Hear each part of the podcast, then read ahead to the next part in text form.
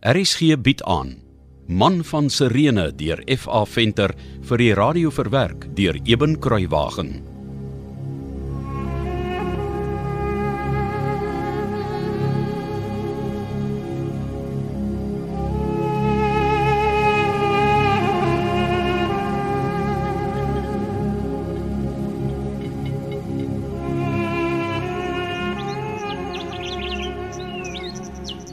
Deborah, ek het Jerusalem plat geloop en rondgevra. Daar's geen teken van die Nasareëner nie. En niemand weet wat van sy liggaam kon geword het nie. Het jy na die verlosser gesoek, Simon? Nee, ek's maar net nuuskierig. En ek wil seker maak sy disippels bedrieg niemand nie. Glo jy regtig nie Jesus het opgestaan nie? Sy graf is dan leeg. Jy weet tog seker daarvan. Ja, ek weet want ek was daar by die graf. Maar as die Nasareëner opgestaan het, waar is hy? Hoekom sien niemand hom nie? Hoekom weet niemand waar hy is nie? As hy opgestaan het en almal kon hom sien, dan sal almal mos in hom kan glo ook. Almal. Verstaan ek jou reg, Simon? Sê jy my as jy Jesus nou moet sien, dan sal jy ook in hom glo. Eh, Nou waar bly Rufus hulle dan? Ek seker hulle wag nog vir Jesus en sy disippels in Betanië. Hulle mors hulle tyd. Sê wie? Sê ek. Hoeveel keer moet ek dit nog vir jou sê, my arme vrou? Ek was die wêreld vol. Almal fluister en wonder, maar niemand is seker nie. Niemand het nog 'n teken van die Nasareëner gesien. En ek seker daar's 'n baie goeie rede daarvoor. ek ook. En dis hoekom ek heeltemal saamstem met wat die twee fariseërs in die tempel vir my gesê het. Ek glo hulle, want hulle is geleerde manne. Hulle sal mos weet. Ja, hulle sal weet my man. Ek glo dit ook. Nou ja. Hoekom stry ons dan oor die Nasareëner en sy kastige opstanding? Ek verstaan jou ook nie aldag nie. Nou wat het die fariseërs vir jou gesê waaraan jy so vasglo? Hulle het gesê dis 'n feit dat die Nasareëner se disipels sy liggaam gesteel en iewers gaan wegsteek. Jy weet tog baie goed die skrifgeleerders en die fariseërs het Jesus om elke hoek en draai probeer vasvra en verkeerd bewys Simon en hulle kon dit nooit regkry nie. Want hy was te slinks. 'n Bedrieger moet jy nooit onderskat nie, my vrou. 'n Eerlike mens dink nie aan die dinge waaraan 'n skelm en 'n bedrieger dink nie. Hoekom dink jy was hy altyd reg met 'n antwoord? Hm? Want hy het alles haarfyn uitgewerk gehad. Daar was niemand so blind as die wat nie wil sien nie. Wat ek eintlik vir jou probeer sê, Simon Niger, my liefste man, is dat die skrifgeleerdes en die fariseërs Jesus nie kon verdra nie, omdat hy hulle gedurig gewys het op hulle foute en hulle valsheid. Dis pure praatjies, Deborah. Die skrifgeleerdes en die fariseërs se foute en valsheid. Het jy in jou lewe al sulke onsin gehoor? Ek dink nie ons moet verder oor die Nasareëner praat Nee, nie. ek dink ook nie so nie. Ek probeer Josef van Arimatea nou al 'n ruk in die hande kry, maar ek weet nie waar hy is nie. Hoekom soek jy hom? Ek wil weet of ek nie dalk die stuk grond wat aan syne grens kan bewerk nie. Miskien weet hy aan wie dit behoort. Dit is 'n pragtige plat stuk grond. En ek sal dit baie goed kan gebruik vir koring. Miskien of 'n wingerd ook. Ja, ek uh, ek dink ek gaan maar weer 'n bietjie in. Dis al amper etenstyd.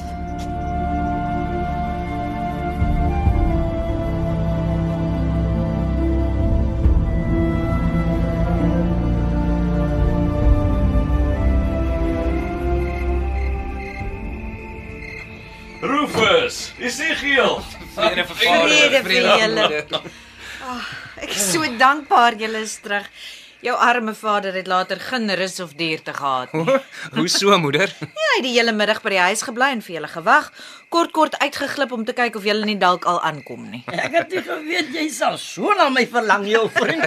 Uh, Deborah vertel net 'n halwe waarheid. Uh, Ek het 'n boodskap vir Josef van Arimatea gelaat dat ek hom wil sien. Maar hy het nooit gekom nie. O, oh, en die kere wat jy so by die tafel met 'n beker wyn gesit het sonder om 'n druppel te drink, hè? En nie eers hoor dat ek met jou praat nie. Uh, Ek was besig om te dink. ek weet my liewe Simon, want dan kyk jy voor jou uit en sien niks. Al wat jy doen is sug en dan sê jy, "Ah, Ek wonder wanneer kom Rufus hulle eendag terug. Ja, ja, toe. Uh, maar sê my, het julle enigiets gesien of gehoor? Nee, Simon. Jesus het nie na Betanië toe gekom nie. Ons het die hele dag daar gewag. Uh, dis nie wat ek wil weet nie. Het niemand die liggaam iewers gekry nie? Niemand weet waar Jesus is nie, Vader. Ja, maar was julle by die grot agter in Lazarus se tuin? Ou vriend, ons het oral in Betanië rondgevra en rondgekyk. Niemand het iets gesien of gehoor nie. En die disippels? Spoorloos verdwyn. Niemand weet waar hulle is of wat van hulle kon geword het nie. Die arme Maria was glad in 'n stadium Jerusalem toe om te gaan soek na die vroue van Galilea. Maar sy kon hulle ook nie kry nie. Ek seker daardie disippels van die Nasareëner het 'n donkie of 'n ding in die hande gekry en sy lyk na Galilea toe gevat. Maar wat laat Vader dink die disippels het Jesus se liggaam weggeneem? Jou vader is al van vanmôre af aan die gang met die storie. Twee fariseërs het hom dit in die tempel wys gemaak. Maar Vader, dink net. Hoe kon die disippels die klip voor die ingang wegrol en Jesus se liggaam uithaal sonder dat die wagte hulle gesien het of of gekeer het? As daar een ding van 'n Romeinse soldaat is wat ek moet erken, dan is dit dat hulle baie getrou hulle opdragte uitvoer.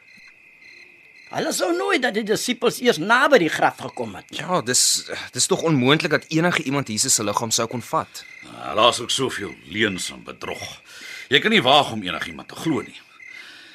Ek meen, een van die groot leuns is dat die einste vroue van Galilea na wie Maria gaan soek het, die Nasareëner Kamma gesien het. Maar hulle het, Vader.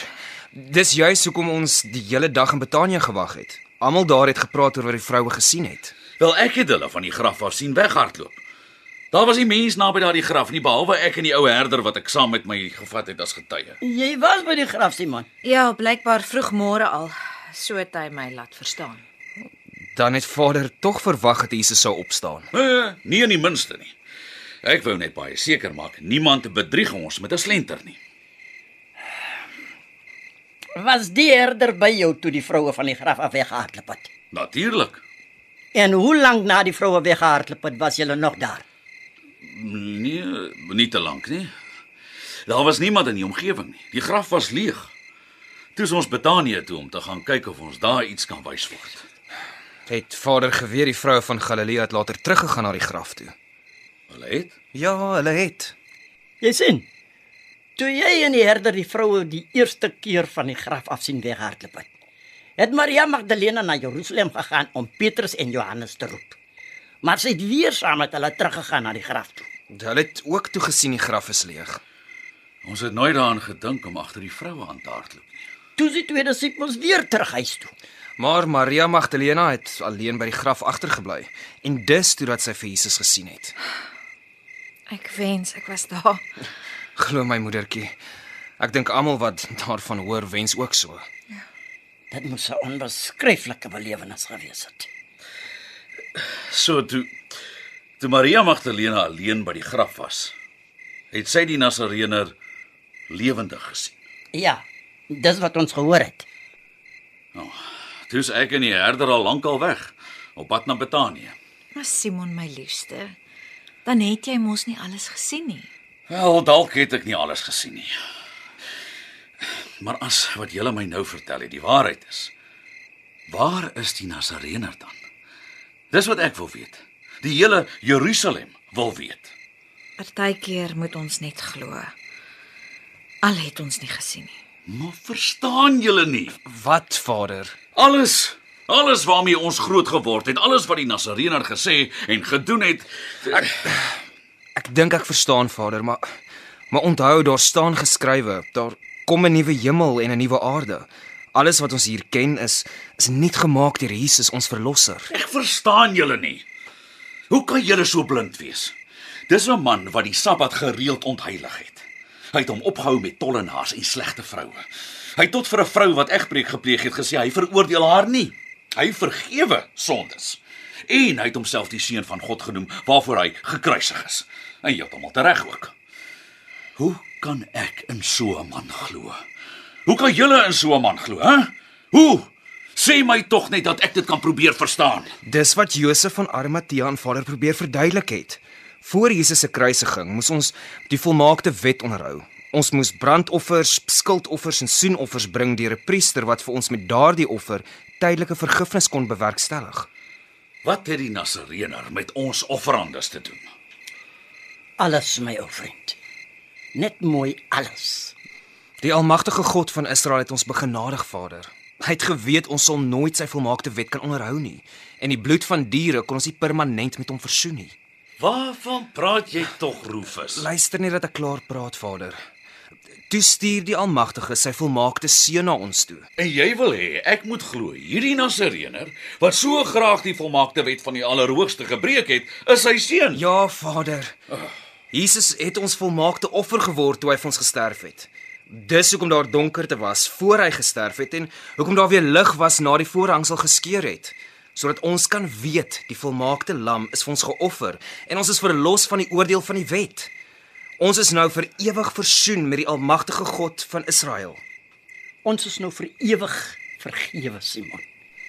Ons hoef nie meer diere te offer om net tydelik vergewe te word nie.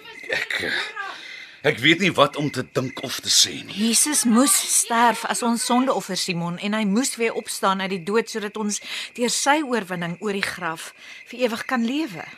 So. As jy Jesus nou lewendig sien, sal jy glo, Simon. Rufus, moenie Deborah. Dis dis Maria. Prys die Here, die God van Israel. Maria, wat is dit? Kom en kom en Maria, wat gaan aan? Jy spierwit. Dit dit het gebeur. Dit het gebeur. Wat? Die die, die disippels het hom vanaand gesien. Die Here het waarlik opgestaan.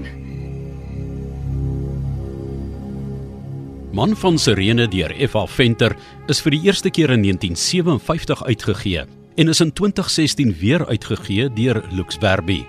Die produksie is tegnies hanteer deur Cassie Lauis en die verhaal word vir RSG verwerk deur Eben Kruiwagen onder spelleiding van Joni Combrink.